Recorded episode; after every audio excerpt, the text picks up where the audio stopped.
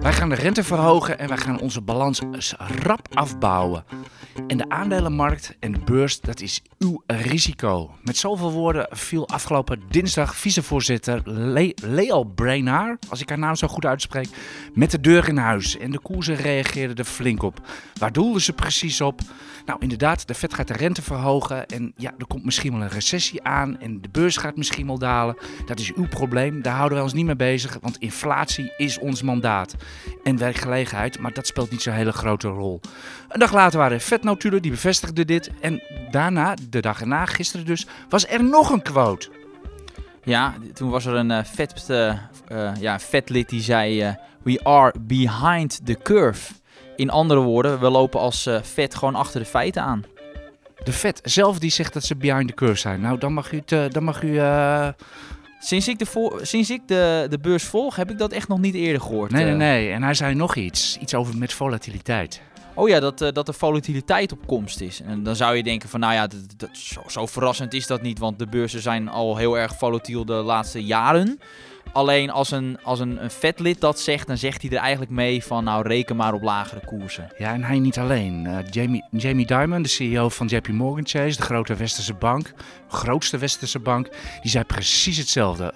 Er komt volatiliteit aan. En daarmee zegt hij eigenlijk van u moet misschien wel op lagere koersen gaan rekenen. En dan zijn ze mooi afgedekt met dit soort quotes, want dan kun je ze nooit op afrekenen. Want ze zeggen niet keihard dat er lagere koersen komen.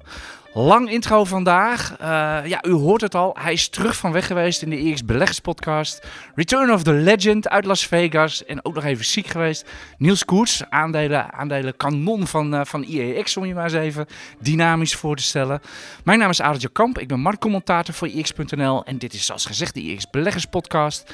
Het is vrijdag 8 april. Kijk net nog even, hoe laat was zijn we ongeveer? Half 1. Kijk net nog even bij de AX. Procentje Plus, erbij. Ja, procentje erbij. Maar het is weer lekker volatiel zoals deze bankier zal zeggen. En later hebben we daar ook nog een vraag over, over die volatiliteit.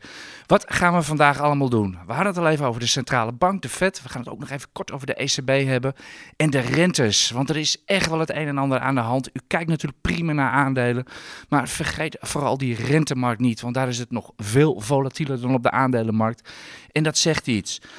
Uiteraard, we gaan het ook even over onze huizenmarkt hebben, want die daalde voor het eerst sinds uh, drie jaar. Het is minder lang geleden dan u dacht. En natuurlijk, we gaan het over aandelen hebben, want daar luistert u natuurlijk vooral naar deze podcast voor. We gaan het hebben over Shell, die hadden gisteren een update. Alphen, Nielsen aandeel. ASML, die komen over anderhalve week met cijfers. Daar gaan we even op vooruitblikken. KPN doen we even heel kort. Volgens hebben we een hele serie lezersvragen. Daarna gaan we door met Hal, Fopak en Boskalis. Daar was uh, van de week het een en ander te doen. Daarna bellen we in voor Martin Krum, onze, onze grote aandelengoeroe bij, uh, bij EX. Hij gaat iets over Euronav ja, vertellen. want daar is zeker nieuws. Ja, daar is zeker. En dat is echt een typisch EX-aandeel. En natuurlijk Air France KLM, dat is echt de, de giller van de week. Daar hebben we ook wel een mening over. daar gaan we ook nog even wat over roepen. En tot slot sluiten we af met Tesla, want daar is er heel veel aan de hand. Deze podcast wordt mede mogelijk gemaakt door IEX Premium. Ons team van 9 beleggingsexperts volgt de markt 24 uur per dag om te speuren naar bijzondere beleggingskansen. Voor nog geen twee tientjes per maand bent u abonnee en ontvangt u niet alleen digitaal alle tips en analyses, maar ook een tweewekelijks beleggingsblad. Nou Niels, we hadden een hele lange opening uh, met, die, met Federal Reserve. Ik ben trouwens nog iets vergeten. Ik moet nog even onze knoppenman voorstellen. Koen Grutters, die zorgt dat het allemaal goed wordt opgenomen. Maakt er een mooi podcast van. En wij nemen deze podcast zoals altijd op op Beursplein 5. En vandaag is dat in de Berlagezaal. Dat klinkt in ieder geval heel chic. Niels, die, die, die brede markt, die, die, die vetvoorzitters en uh, weet ik veel allemaal hoe ze, wat voor titels ze hebben die van de week spraken als ik heel eerlijk ben, vorige week heb ik dat een beetje aangekondigd in deze podcast. Het officiële rentebesluit is op 4 mei. Dan gaat de Federal Reserve dus inderdaad, nou rekent u maar 50 basispunten de rente verhogen. En toen zei ik al, dat is nog ver weg. En tussendoor gaan ze echt niet de rente verhogen, want het is een panieksignaal. Maar reken maar op vethoofden die wat de komende weken wat gaan zeggen. Ja, we worden maar dat hebben we gemerkt. Ja, we worden natuurlijk voorgemasseerd van, naar, die, naar die dubbele renteverhoging. En vandaar ook dat je al die uh, vetleden krijgt die dus ja, gaan toelichten waarom zij vinden waarom er wel eh, wat meer eh, gedaan mag worden dan eh, nu het geval is. Ja, nou, ik weet niet of in hoeverre jij daar heel goed naar hebt naar gekeken. I- Ik in ieder geval wel. Wat die mevrouw Breinaar zei, dat, dat hakte er echt in. De markten draaiden er echt vast op. Dat was dinsdag, eind van de middag, meen ik. Ik zag ineens de Amerikaanse rente met 6, 7 basispunten en boem omhoog spuiten. Ja, en, en wat dacht je van die cyclische aandelen, hoe hard die Ja. omlaag gingen? Want Bezi stond op dat moment 4% hoger, sloot de dag geloof ik 5% lager. En de dagen daarna ging het alleen maar verder omlaag. Ik geloof dat Bezi in drie dagen, geloof ik, eh, wat is het, in 72 uur eh, een procent of 15 tot 20 is kwijtgeraakt. Dat is echt heel fors. Ja, is dit nou een draai? Want we hadden de afgelopen weken eigenlijk een soort van... Ja, ik vond zelf wel door die stijgende rente een soort van wonder eh, rally in groeiaandelen, tech-aandelen, de hooggevoelige aandelen. U kent de namen op het Damrak. Ik zat er eigenlijk wel met verbazing naar te kijken. Hoe kan het nou dat aandelen die misschien ooit eens een keer winst gaan maken, wat dan ook, kortom, degene die u eigenlijk volgens de boekjes niet wil hebben, dat die nou zo hard gaan terwijl de, terwijl de rentes stijgen.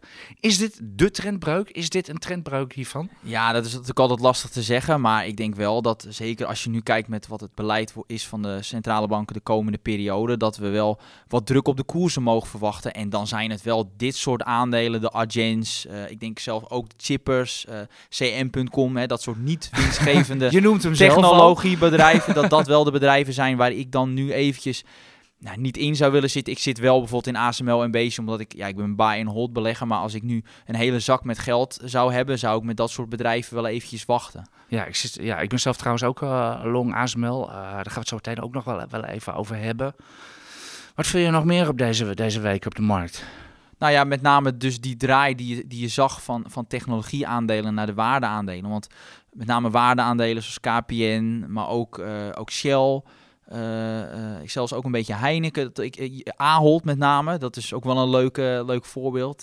Werd helemaal afgestraft bij de publicatie van de jaarcijfers vanwege een zwakke outlook. Maar sindsdien is het aandeel zo'n beetje iedere dag zo'n beetje omhoog gegaan. Dus... Die, die ging zelfs het hardste volgens mij op, eh, op din- dinsdag van- de waardeaandelen. Ja, dan zit je toch wel weer. Ja, dan zit ik er toch wel een beetje te denken aan. Ja, inflatie. Ahold kan dat natuurlijk als geen ander meteen doorprijzen. En ja, eh, hoe erg de recessie of wat voor ellende ons allemaal te wachten staat. Ja, we zullen toch wel naar de Albert Heijn moeten. Of, ja. of, of een supermarkt. Maar in ieder geval, dat we, je moet gewoon eten en drinken. Ja, ik, ik, misschien zal ik een gewaagde uitspraak doen. Ik denk, Doe maar. Als Ahold met de eerste kwartaalcijfers komt, re- eh, mag u verwachten in het, in het cijferrapport een outlookverhoging. Schrijf maar op. Oké, zit jij in het aandeel of ik niet? zit erin. Geloof me. Ja, die, eh, die, durf ik wel, eh, die durf ik wel aan. Ik had, het, ik had het al even over de rentes. Die, die, die staan eh, op, op, op flinke hoogte nu. De Amerikaanse rentes, 10 jaar heb ik het dan over, staat op 2,7 procent. Hoogste stand in jaren. Gisteren ging de Nederlandse 10-jaarsrente tikte even 1 procent aan. Dat is voor het eerst sinds in 2015 de ECB begon te verruimen. Dus in zeven jaar 1 procent. Een dagje later was er een huizenmarktcijfer en dat was min. Kijk jij daarvan op? Aan de ene kant verrast mij dat wel. eh, want ja, we hebben gewoon een beetje de laatste tijd geleerd dat huizenprijzen zo'n beetje alleen maar kunnen stijgen. Aan de andere kant is het ook wel weer niet verrassend. Want ja, als, de- als je kijkt naar de hypotheekrente, die is extreem gestegen. Ja, dan wordt het ook gewoon moeilijker om, een, om, een, om die hypotheek eh, rond te krijgen. En wordt minder aantrekkelijk om een huis te kopen. Ja, dan is het ook logisch dat die prijzen wat onder druk komen, komen te staan.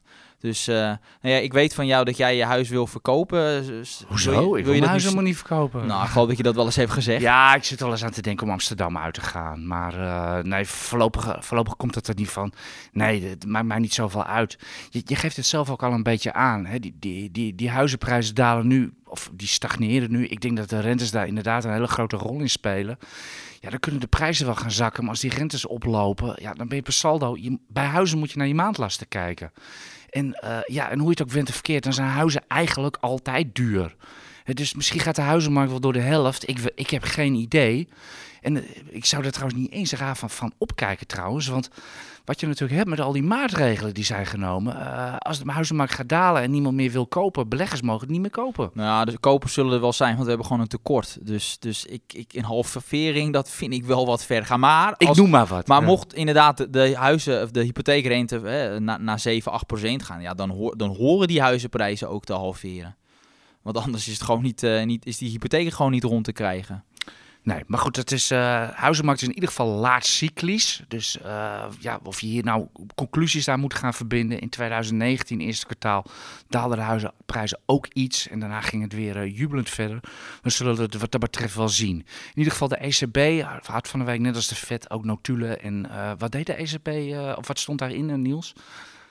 Nou, alles behalve dan een renteverhoging. Ja, en uh, verder wensen wij mevrouw uh, Lagarde, die, de president van de ECB, die heeft corona, die heeft symptomen, wensen haar beterschap en dat ze dan maar de rente mag gaan verhogen. Tenminste, voor mij mag het wel.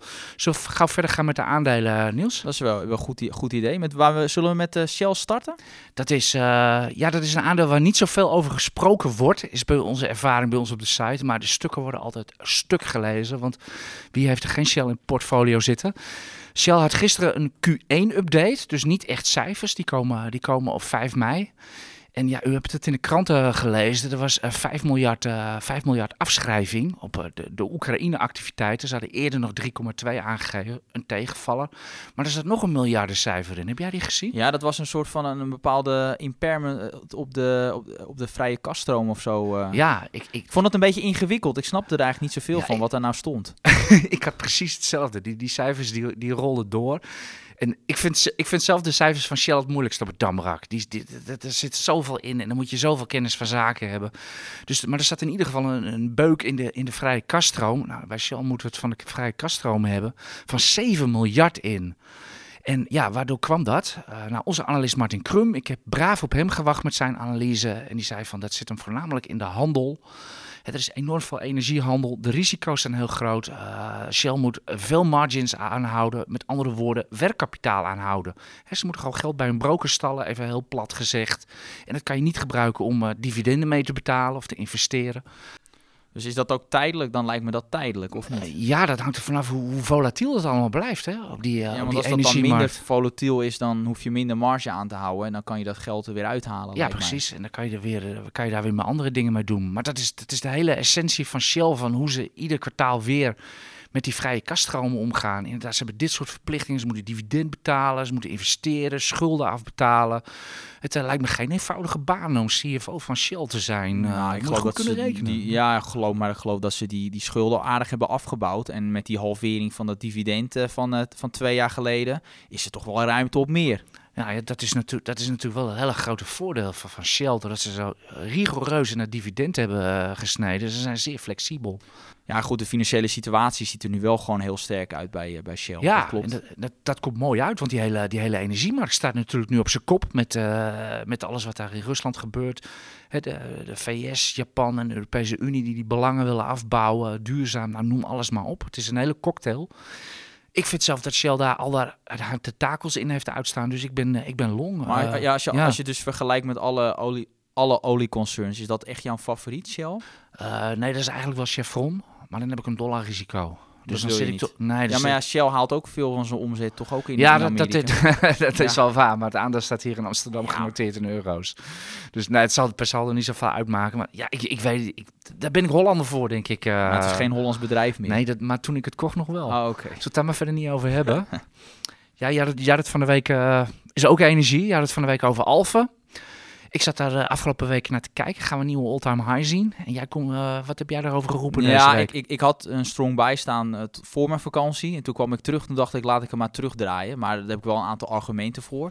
Omdat je koersdoel in beeld kwam? Of ja, waarom? het was over mijn koersdoel heen gegaan. En kijk, het positieve nieuws, Alfa had echt wel hele goede jaarcijfers met een sterke outlook. Alleen waar je wel op moet letten bij dit bedrijf, het is, het is geen technologiebedrijf. Het is wel echt een engineeringsbedrijf. Dus die groei, uh, het investeren in die groei, dat kost wel best wel veel geld. Bijvoorbeeld die voorraden, ja, die zijn gewoon verdubbeld.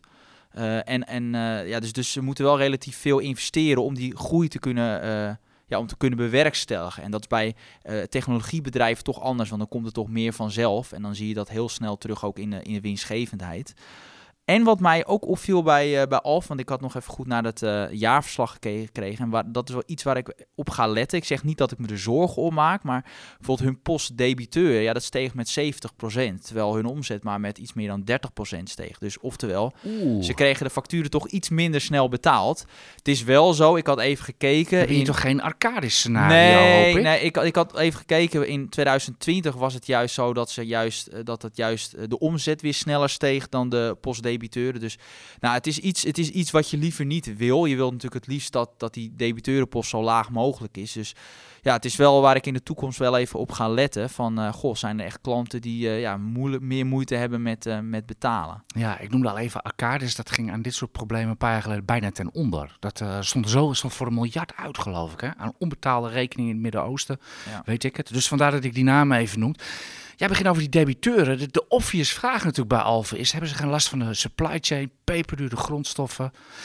Hebben we trouwens al gezegd wat Alphen is, even voor de mensen die ja, het niet weten? Is, ja, het is een soort van energiespecialist. Ja, ze, ze regelen onder andere smart grids. Dat, uh, dat reguleert uh, ja, dat, dat er niet te veel pieken op het net uh, komen. En ze, de, en ze zijn natuurlijk bekend van de, van de laadpalen. En ze doen ook wat energieopslag, maar dat, die business stelt dan niet zo heel veel voor. Oké, wat is de belangrijkste poot? Laadpalen? Of? Uh, nou, bij de beursgang was de, die laadpalendivisie nog maar 10% van hun totale business. Maar nu ga ik er aan het einde van dit jaar vanuit dat dat het grootste onderdeel wordt van het bedrijf. Hoeveel procent? Uh, ja, dan, gaat het iets, uh, dan wordt het iets groter dan, dan die smart grids. En dus dan geloof dat je dan iets van naar iets boven de 45 procent uh, okay. gaat uitkomen. Maar, maar, hebben ze geen last van die supply chain, et cetera? Dat hebben ze wel. Alle, daarom vond ik ook die outlook zo sterk. Dat ondanks die problemen, dat ze wel verwachten dat ze iets meer dan, ik dacht, 40 procent omzetgroei weten te maken. Dus, dus dat vond ik gewoon heel sterk. Maar we gaan het zien. Dat, maar zeker bij deze waardering, je betaalt nu iets van 55 keer de verwachte winst. Dat, is, wel zeker ja. omdat het dus ook geen technologiebedrijf is. Dus, ja. uh, dus daarom heb ik gezegd van nou, dit is, dit is gewoon reëel. Uh, maar ik zie nu niet voor de korte tot middellange termijn niet zo heel veel uh, opwaarts potentieel. Dus heb ik ook gewoon het koopadvies ervan afgehaald. Ja, dus vooral fantasie. Ik zou zeggen, leg de grafiek van Alfa even over Tesla heen. Ik heb zelf, ik, ik schiet me nu ineens te binnen. Ik heb zelf lang niet gekeken, maar dat, twee jaar lang was dat echt één op één. Ongelooflijk, maar dat bewoog echt mee.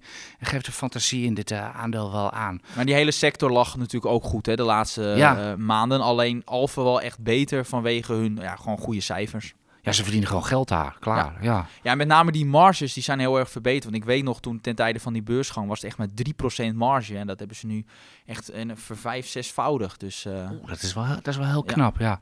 We moeten uh, over anderhalve week, ja, nou ruim anderhalve week, of uh, woensdag, zijn de cijfers van ASML. onze analist Paul Weteling blikt daar, daar van de week af vooruit. En ik kwam het woord uitdagend tegen in zijn stuk.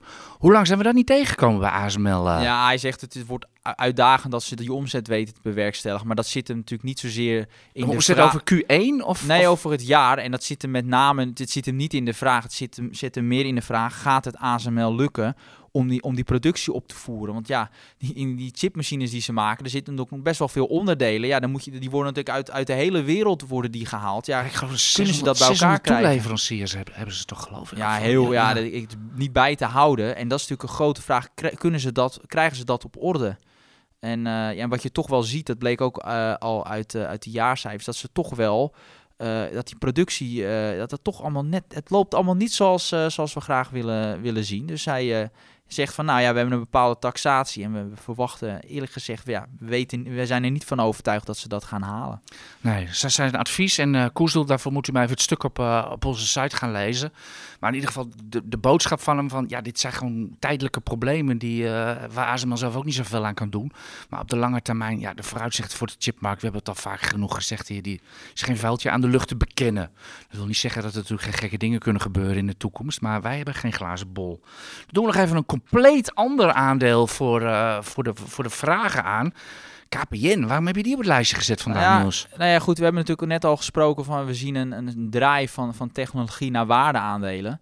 Nou ja, KPN is natuurlijk wel echt zo'n zo'n oud, echt zo'n heel saai fonds. Dat nu gewoon, ik, ik, ik zat nu te kijken, ik denk dat ligt gewoon eh, best wel heel erg goed. Ja, Geloof bij- het na, in de AX is het naar Shell het beste aandeel dit gewoon jaar. bijna geloof ik, hè? 20% gestegen. Dus Ja. eh, voor KPN is dat gewoon eh, heel goed. Ja, die doen het gewoon altijd heel goed. Als de, als de, als de rest daalt, dan, dan, dan stijgt KPN. Nou, ja, dan weet je ook wanneer KPN daalt. Dus als de rest stijgt, Ja. is ongeveer... Ik, dus ik, had, ik, ja. had, ja, maar ik had wel even snel ook gekeken naar, naar, naar hun waardering. Ja, ik vind 20 keer de winst voor een, voor, voor een bedrijf wat niet groeit. En wat ook niet overgenomen gaat worden. Nee, echt niet. En eh, dat vind ik dan toch wel erg veel. En dan kijk je, ja, mijn stokpaardje Deutsche Telekom. Ja, dat, daarvan zijn die groeiverwachtingen echt veel beter.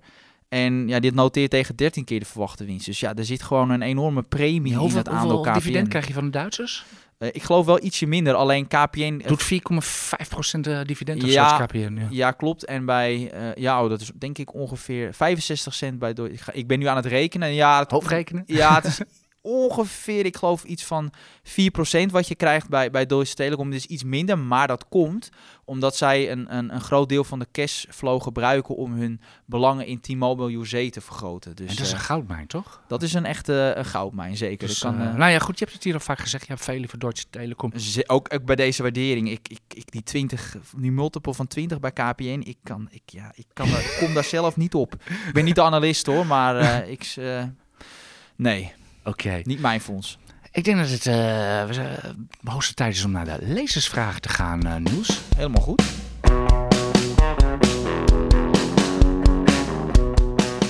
Een vraag van Dirk Hegge. Wordt het tijd om te cashen bij Fugro? Ah jee.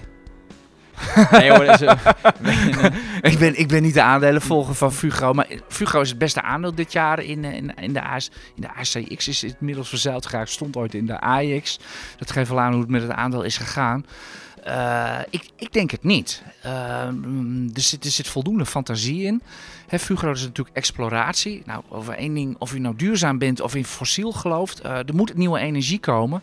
En Fugro zit in beide kampen. Die kan beide, beide markten, opdrachtgevers, kan die bedienen. Bij de Q1-cijfers gaan we horen of, het inderdaad ook, eh, of we het, inderdaad ook echt opdrachten gaan binnenkrijgen. maar die jaarcijfers waren al goed hoor. Die, met name die resultaten over Q4 waren goed. En ehm, wat ik natuurlijk ook, waar ook wat een- eh, van te zien zit. Ja, ik denk nog steeds dat het een, een echt een overnamekandidaat is eh, voor, van bijvoorbeeld Hal. Je neemt me de woorden uit de mond. Nou, ik denk, daar ben je gewoon even voor. Maar, eh, Over Hal gaan we het zo meteen trouwens nog Ja. even hebben. Direct naar de Dus direct als, de ik, als ik ze zou hebben, en ik, ik weet nog toen, toen dat bod van, van, van Hal kwam op Boscalis, dat ik dacht van, goh, waarom valt, viel mij die koersreactie van Fugro heel erg tegen, maar 3% omhoog. Ik denk van, nou, dat fonds dat zou ik wel willen hebben, heb ik zelf niet gekocht, dus eh, nou ja. maar eh, ja, ik zou ze vasthouden. Ja, Fonds heeft natuurlijk in enorme problemen gezeten. Hij heeft echt hele barrières ge- gekend. Volgens mij hebben ze gewoon een goed management daar zitten. Dat ze überhaupt overleefd hebben. Ja, maar ook wel een beetje, het was wel eh, hangen en wurgen hoor. Ja, nou ja, goed, maar dat was... eh, Als jij daar als belegger in zat, je werd helemaal kapot geëmiteerd. Ja, dat, dat is wel waar, maar ze hebben wel overleefd. Ja. Dus, eh, dus wat dat betreft... eh, Oké, volgende vraag, want jij doet altijd vragen. Volgende vraag van Ralph Travels Around. Zijn alternatieve beleggingen zoals grondstoffen en edelmetalen een goed alternatief voor obligaties? Ik, eh, ik, vind, eh, ik vind grondstoffen vind ik geen belegging. Nee. En kun je dat ook toelichten? Omdat ze, omdat ze geen kaststroom opleveren. Nee. En dat is natuurlijk een heel groot verschil met obligaties. Dan krijg je natuurlijk ieder jaar krijg je een bepaalde coupon. Eh, Het zijn ook totaal verschillende dingen. Ja, er zit een heel ander risicoprofiel op. Dat is hetzelfde als dat je van je spaargeld maar in bitcoin gooit of, of een andere crypto. Ja, dat kan je natuurlijk doen omdat het meer eh, oplevert. Maar er zit een compleet ander risicoprofiel op. En eh, beleggen begint bij risicoprofiel en niet bij, eh, bij, eh, bij, nee, bij want winsten. sowieso overstappen van, van obligaties naar edelmetalen, dat zie ik gewoon niet. Omdat je dan ga je van iets naar iets totaal iets anders. Dus dat zou ik ook niet zo snel eh, doen. Als je in edelmetalen wil, doe dat echt met een beperkt deel van je portefeuille. Bijvoorbeeld misschien 5% of zo. Dan heb je wat, eh, wat afdekking, maar ook meer ook niet. Ja, en dan de- om nog even te zeggen van, van die kaststroom. eh, eh, want ja, grondstoffen aan zich verdienen gewoon geen geld. Er wordt alleen maar een prijs eh, betaald. En als je gaat kijken in grondstoffengrafieken, hele lange termijn, et cetera, dan, dan zie je dat het per saldo ook... Ja, af en toe is er gewoon boom en bust. En meestal gebeurt er niet zo gek veel in dat soort, dat soort items. Ik denk als, je, als jij de grafiek erbij pakt vanaf 1800 en dan het aandelen legt naast goud, dan denk ik dat weinig mensen nog geïnteresseerd zijn in goud als eh, belegging. Dat denk ik serieus. Daar heeft Dus, Warren eh, Buffett eh, ooit legendarische artikelen ik denk dat over het ook een van de redenen is waarom Willem Middenkoop dat soort grafieken niet laat zien. Eh, we, dat vind ik niet netjes van je, Niels. We wijzen nooit naar anderen. Nee, eh, in, de- deze, in deze rubriek. Wij houden gewoon zelf ons verhaal. En eh, als u met ons wilt afrekenen, u kunt ons vinden in de comments op Twitter of, eh, of waar dan ook. Eh, ik heb nog een vraag op Twitter gekregen vandaag van eh, Hans Dammers. Hoe kijken jullie aan tegen de forse toename van de totale netto short positie in PostNL de afgelopen week? Tjoh. Ja, PostNL. ja, dat is al een reden. Maar ja, Niels. Eén, ik heb daar niet naar gekeken. En twee, ehm, het is wat ik wel zie. Het is natuurlijk wel zo, waar kijken shortpartijen natuurlijk naar? Die kijken het liefst naar eh, relatief zwakke bedrijven met een zeer zwak management. Nou ja, ik, ik wil niet zeggen dat PostNL een heel zwak bedrijf is, maar qua management, dat- is voor verbetering vatbaar. Eh, dus, dus ik snap wel dat daar partijen aan het kijken zijn. Maar oh ja... Ja, ik ik weet, het- ja, aan als de, ik- Oh. veel mensen die vinden ook met shortpartijen van ja, dat als, als, als, als, als, als, als een soort van vijand. Maar ja, aan de andere kant, het is ook gewoon een uitgestelde kooporder.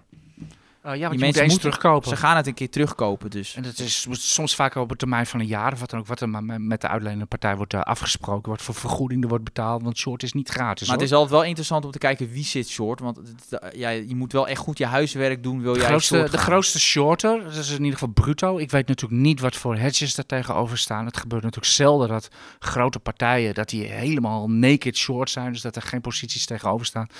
Stond vanochtend ook in mijn voorbeursrubriek eh, verschillende partijen die meer short zijn gegaan. PostNL, vandaar die vraag denk ik ook. Marshall Wees, die kennen we natuurlijk allemaal. Is een bekende shortpartij. Hebben de grootste shortpositie uitstaan. Ja, en het is een signaalfunctie. Zij lezen de cijfers anders dan u. En eh, misschien hebben zij wel gelijk en niet u. Dat is, dat is wat ze aangeven. Komt het door die Belgische toestanden allemaal, om het eh, zo maar te noemen? Ik denk het niet. Het is 10% van de omzet. Speelt wel mee. Maar eh, ik, ik denk dat het fundamenteel twijfelen is ja, aan, de, aan de Amazon cijfers. komt natuurlijk wel aan. En eh, het risico is natuurlijk als Amazon het allemaal zelf gaat, gaat doen, de bezorging. Ja, dan, dat gaat dan wel ten koste van de business van, eh van PostNL. Ja, het kan natuurlijk wel goed zijn dat de PostNL een goede douw kan krijgen in, in België. Waardoor ze ook duurder gaan werken in België. Omdat ze personeel vast contract moeten gaan aanbieden of wat dan ook. Want de, Ja, beschuldigingen waren het er vorige zijn. week uitgebreid over. Luister je anders uw podcast. eh, Martin Krum die had daar een heel goed verhaal over. Die eh, heeft er uitgebreid over verteld hoe dat precies zit in, eh, in, eh, in, in België. En hij kreeg deze week boze mails in kapitalen. Dus dan weet je gewoon zeker dat hij een goed verhaal had. Oh ja, dat is altijd zo, ja. Daar weet jij alles Ja. van. eh, weet jij alles van. Hebben we nog meer vragen? Nu een vraag van Roderick Velo. Hij zegt... Beke- hij vraagt- Nederlander, eh Zeker. Niels. Waarom zijn Adyen en de chipfondsen zulke volatiele aandelen? Eh, omdat ze een hoge beta hebben. En waarom hebben ze een hoge beta? Wat is een hoge beta? Dat is de mate waarin een eh, aandeel tot de, tot, de index, tot de index beweegt. Dat komt, jij noemde al de hoge waarderingen. Die waarderingen zijn erg gebaseerd op, op winsten die in de toekomst behaald gaan worden. Niet wat er nu al op de borden staat. En die zijn hoogst onzeker. En daardoor zijn die aandelen zijn ze gewoon volatiel en zelfs op dagbasis. Bijvoorbeeld bij Wolters Kluwer, eh, om een saai aandeel, hè, saai tussen aanhalingstekens, want het is een heel mooi aandeel, saai aandeel te noemen, kun je gewoon rechtstreeks de lijntjes doortrekken. Dus het is geen reden om erin te handelen. Nee, en wat je natuurlijk ook hebt bij, bij dit soort bedrijven, eh, bijvoorbeeld ook bij de chippers, dat aan de ene kant zijn ze ook eh, natuurlijk eh cyclischer. Dus het zijn groeibedrijven dus, en cyclischer, waardoor ook die schommelingen van de bedrijfswinsten zijn groter.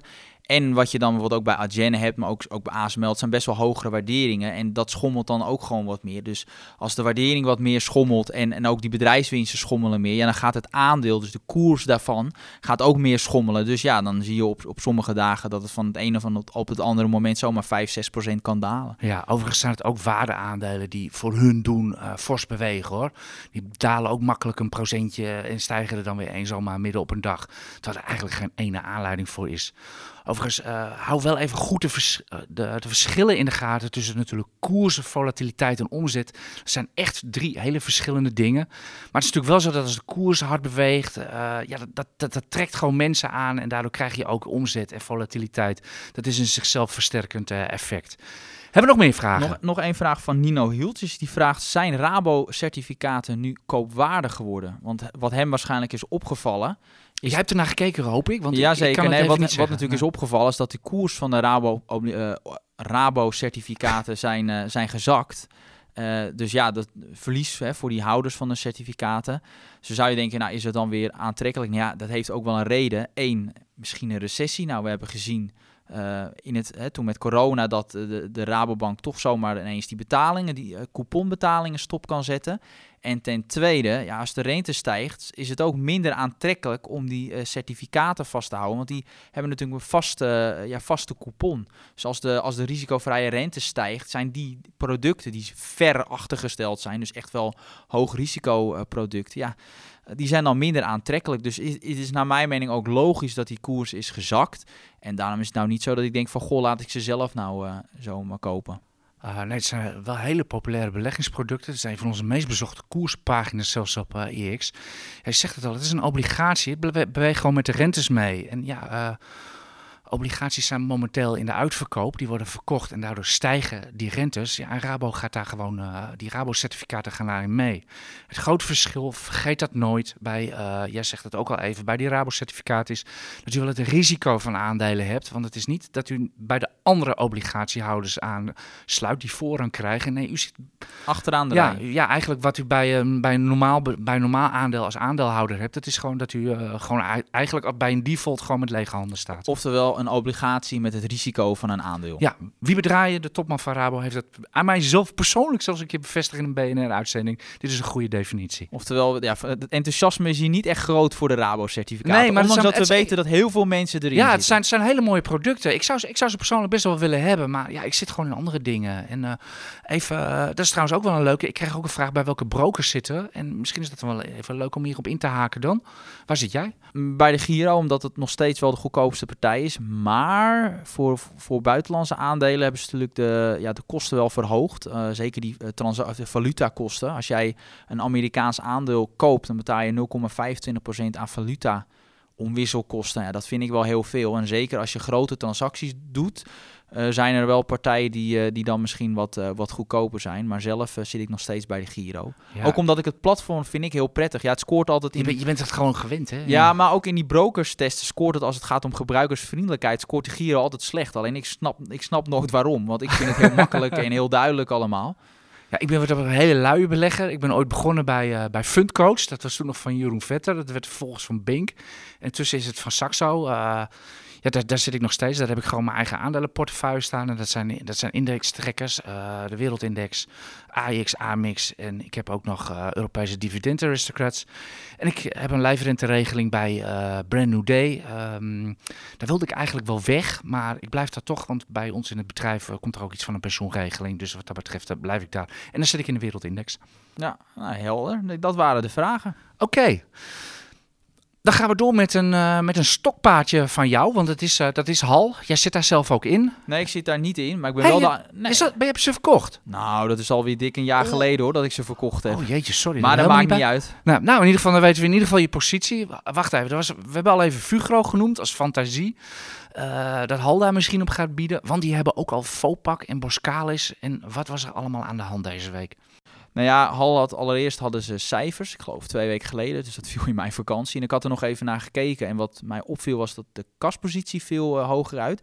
En wat ik ook wel interessant vond, en daar hebben we het bij Hal eigenlijk nooit over gehad. Het is een, ze hebben ook een aantal deelnemingen die dan uh, niet op het, uh, op het damrak uh, verhandelbaar zijn. En het zijn er maar een paar uiteindelijk in de hele portfolio. Ja. Die staat gewoon op de site van Hal, kan u gaan kijken. Ja, ja en een aandeel dat heet Timber and Building Supplies Holland. Nou, dat kent waarschijnlijk bijna niemand. Maar dat is, het is een leverancier van hout en bouwmaterialen. En dat bedrijf heeft heel erg geprofiteerd van de gestegen houtprijzen. En wat als we Hal natuurlijk kennen, vaak als, het, als een bedrijf, nou ja, nu, die profiteert natuurlijk van de, van de situatie die er uh, nu gaande is. Grondstoffen, hout, Juist. Nou ja, Hal of dat bedrijf, uh, Timber and Building Supplies Holland, profiteert daarvan. Ja, Hal kennende zijn dat vaak dan wel de momenten om dat soort bedrijven naar de, naar de beurs te brengen. En dat is ook best wel een groot bedrijf, want het, ik, ik, heb, ik heb een sommetje gemaakt met hoeveel dat belang waard is. En dat is toch een miljard. Dus dat is om redelijk in de buurt van uh, bijvoorbeeld hoe ik uh, Coolblue ook waardeer. Dus wie weet is dat misschien een, een, kansrijke beursgang. Op dit moment heeft dat bedrijf een notering aan de NPEX. Dat is het, de, de beurs voor midden- en kleinbedrijf. Maar daar moet je nooit zo naar kijken. Want er is nauwelijks handel. Dus het is een beetje wat de gek ervoor geeft uh, voor die bedrijven. ja, zo, zo kijk ik daarnaar. Dus uh, let daar dan niet te veel op. Maar dat is misschien een kansrijke aandeel... Om naar de, naar, ja, naar de beurs van Amsterdam Daar te is gaan. het- dus, ja, in ieder geval zit het inderdaad altijd wel dat soort fantasie in hal. Zagen natuurlijk inderdaad vorig jaar met Coolblue wat ze dan maar niet naar de beurs brengen, omdat de markt gewoon even tegen zit. Ja, Coolblue zie ik niet gebeuren. Zeker niet in deze markt. Nee, en maar Hal, Hal, eh, Hal heeft de tijd. Die, Ja. eh, die beleggen echt op lange termijn. Al houden ze tien jaar in portfolio. En eh, dat maakt ze echt niet uit daar, hoor. Nee, die marges Ja. zijn gewoon nog echt te zwak van Coolblue. Dat moet Ja. echt beter en dan zullen ze het naar de beurs Hoe lang zitten ze al? Daar zit er, dat, dat houtbedrijf, ik ben er nou, zit er ook Pontmeijer in? Of ja, zijn er Pont Meijer, bekende- dat zijn, er nog meer namen? Ja, er zitten van allerlei, eh, allerlei eh, ja, wat midden, midden- en kleinbedrijven. Is, is onderdeel van die portefeuille van dat eh, ja, Taps Holland heet Oké, nou kunnen we daar niet in beleggen, maar we kunnen wel in, in Fopak en Boskalis eh, beleggen. En dat was er van de week, was het heel opmerkelijk. Op één dag kwam ABN AMRO, dat was dezelfde analist ook, Thijs Berkelder, als ik zijn naam zo goed uitspreek. Die kwam met een keihard verkoopsignaal voor, voor Fopak, van, van nou, underperform en van 35 naar 28,50. En op dezelfde dag kwam hij ook met een, ja, een sommetje eigenlijk. Want hij herhaalde zijn koersdoel voor Boskalis, waar natuurlijk een bot op ligt. Van Hal, 32,50. met Van 38,50. Maar hij kwam op een theoretische waarde van 46,50 uit. En Vrij toen begon, ambitieus. ja, en toen eh, begon ons orakel eh, te praten. Onze Martin a- Krum, Ja, ja. Martin Krum, ja, die zei van, eh, die, had daar een, die had daar al een mooi woord voor, eh, voor die, eh, hij zei dat, wat had hij daar ook Ja, alweer nou, over hij vond het een idioot bedrag. Ja. Daar, daar komt het op neer van, dat gaat, dat gaat hem niet worden. Dus Nee, maar ik vind het heel vreemd dat je zo'n som maakt en dan toch 38,50 handhaaft. Daarmee geef je eigenlijk aan van dat gaat Hal natuurlijk never nooit betalen. nou, in feite zeg je van, nou, ik vind het zelf meer waard, maar Hal gaat het niet betalen, dus koersdoel 38,50 of zo. Dat zie ik ze ook niet betalen. Maar nee. goed, eh, nee, ja goed, op dit, met het bod wat ze nu hebben staan, die eh, dacht 31,50 was het toch uit mijn hoofd? Dat, eh 32,50. 32,50, dat zie ik niet. Ja, eh, de koers staat er wel steeds boven. Hè? Ja. Dus Hal kan niet kopen. Nee. En, eh, hè, want dat, dat, dat kan niet. En, eh, maar Fopak, daar was Martin het ook helemaal niet mee eens. Hè? Nee, die, wat, die heeft precies het andere advies. Jij echt, echt de uitgebreide analyse moet je maar één keer even op de site eh, lezen. Maar eh, daar, eh, wij als desk geven voor Fopak zeker geen celadvies. Nee, en verder of u iets, daar iets achter wil zoeken, dat ABN AMRO, zelf de analist, op één dag met twee halbelangen, eigenlijk tegen het belang van Hal inkomt, moet u echt zelf maar gaan bedenken. Dat is pure speculatie, daar hebben we geen enkel bewijs voor. En ik denk dat het hoogste tijd is dat we Martin gaan bellen, Ja, want want, we die hebben zou nog wat over Euronaf gaan zeggen. Juist, hè, want we hebben het natuurlijk over hem. En dan, ja, Euronaf, hij is toch wel de analist van, eh, van Euronaf. En er is nieuws, dus we gaan hem gewoon eventjes bellen. Met Martin. Hey Martin, je bent eh, in de uitzending hoor. En, oh, eh, spannend. ik val gewoon met de deur in huis, Martin. Er is groot nieuws bij Euronaf. Brand los. Zeker. We hebben eerst van de week het bericht gehad dat eh, Euronav wilde fuseren met eh Noorse Frontline. Nou, dat viel eh, goed in de smaak. De koers ging ook wat omhoog. Eh, we hebben er even naar gekeken en we hebben volgens tegen eh, onze premiumleden aangeraden om winst te nemen op 12 euro. Omdat er toch wel wat haak en oog aan zaten. En vanochtend blijkt dat de grootste groot aandeelhouder in Euronav, dat is de familie Saveris, een groot eh, tegenstander van de, van de fusie is. Maar waarom is die familie is die, is die een groot tegenstander daarvan? Want die fusie dat levert toch, creëert toch waarde in het bedrijf? Nou, zij zeggen van niet. Eh, dat is onzin. Het creëert natuurlijk wel degelijk eh, wat waarde. Eh, daar hebben we ook eh, uitgebreid bij stilgestaan. Eh, alleen eh, deze familie, die ooit oprichter ook is geweest van Euronav, die wil graag dat het bedrijf de komende jaren, en dan moet je echt denken aan de periode van 10 tot 15 jaar, eh, langzamerhand weggaat uit eh, vervuilend olietransport en meer richting alternatieve schone brandstofvervoer gaat. Ah, de- en deze overname draagt daar dus niet aan bij, want dan blijven ze meer in die vuile dit is, energie. gewoon, dit, dit is gewoon een kwestie van twee eh, traditionele olietankerbedrijven die eh, fuseren en daarmee bepaalde meerwaarde kunnen creëren. En zij zien echt een andere toekomst voor eh Euronav dan eh, alleen maar louter een vervoerder van olie. Oké, helder. Wat moet je nu als belegger met de aandelen? De mensen die, eh, die het advies niet hebben opgevolgd, die de aandelen nog in portefeuille, want het lijkt me dat het nu omlaag gaat vandaag, de koers. Ja, het, is, het is, aandeel is, zeg maar, staat nu zo iets onder de 11. Ja, Eh, en wat ze moeten doen is een premium abonnement nemen. die is wel heel erg, die is wel heel eh, flauw. Maar, maar eh, kan je er niet iets meer over zeggen? Nou, we hebben, we hebben een aantal scenario's geschetst. We hebben er uiteraard natuurlijk ook een mening over. Nogmaals, ik denk dat het handig is voor mensen die echt geïnteresseerd zijn om die analyse ook gewoon daadwerkelijk te lezen. Kijk, wij volgen dit aandeel natuurlijk al vijf jaar. Eh, we hebben hem ook vijf keer op kopen gezet op een niveau waarop wij vonden dat het aantrekkelijk was. Dus zo rond de 7 euro. Dat is dan gebaseerd op de veronderstelling dat de waarde van dit aandeel rond de 9, 9,5 ligt. Dus we hebben echt wel wat expertise opgebouwd eh, in Euronaf. Eh, nogmaals, mensen met interesse in eh Euronaf die niet weten wat ze moeten doen. Ja, ik raad dan toch aan om dat via premium tot je te nemen. Nog één vraagje, Martin. Hier, aan Jan. Is die familie niet gewoon bang voor verwatering als dat bedrijf eh, ja, keer twee gaat, zeg maar? Nee, Dat ze gewoon minder in de melk in de... nee ze hebben juist, eh, die, die familie Saveris, die heeft anderhalf, twee jaar geleden hebben ze juist volledig afscheid genomen van Euronaf. Ze hebben iets rond eh, 10 euro hebben ze te resterende belangen van de hand gedaan. Oké. Ze zijn, ze zijn juist onlangs, vanaf februari van dit jaar, zijn ze eh, weer als een malle gaan kopen. En inmiddels weer een belang opgebouwd van ruim 13% Dus dat zal geen eh, rol spelen. Oké. Je merkt het, ik heb niet zoveel verstand van eh Euronaf. Dankjewel, Hey, eh, ja, Martin. Martin, ontzettend bedankt. Oké, succes verder jongens. Oké, zie je. Ja, en dan... eh, ja, we mo- moeten hier eigenlijk zo'n Benny Hill piano muziekje van vroeger onder hebben. Want we gaan het over KLM eh Air France hebben. Want het, dat was echt... eh, ik moest erg lachen om eh, de Telegraaf. Die kwamen met het nieuws deze week. En Ietke de Jong, die heeft het denk ik uitgezocht Heel van de Telegraaf. Die, eh, die schreef op Twitter van... Air France KLM is een parodie op een bedrijf. Ik vond hem heel mooi. Niels, wat, wat, wat hebben we voor gekkigheid weer meegemaakt? Nou ja, bij Air France KLM die hebben 3 miljard verlies gemaakt. En toen dachten ze 3 van, miljard. Ja, 3 oké. miljard. En toen dachten ze van, laten we dan wel onze topman even een, een bonus geven van 3 miljoen. Omdat die drie... Nou ja, goed. Nee, nee, nee. Juist niet vanwege de verliezen. Want Oh. dat is altijd het leuke. Kijk, normaal, een normaal bedrijf. wat doet een normaal bedrijf? Die heeft bepaalde financiële targets. En die moet je halen als topman. En dan krijg je een bonus. Dat is een beetje het normale. Dus hij Maar- moest gewoon een verlies halen van 2 miljard. Nee, dus, want als je dus verlies laat, ja, dan moet je iets anders verzinnen waarop de bonus is gebaseerd. Dus toen, dat heeft de Telegraaf even uitgezocht van, goh, wat is nou de argumentatie waarom deze fantastische CEO, Niels laat ons niet langer in waarom die een bonus van 3 miljoen moet hebben? Nou, daar, daar komt hij. Trompetgeschal.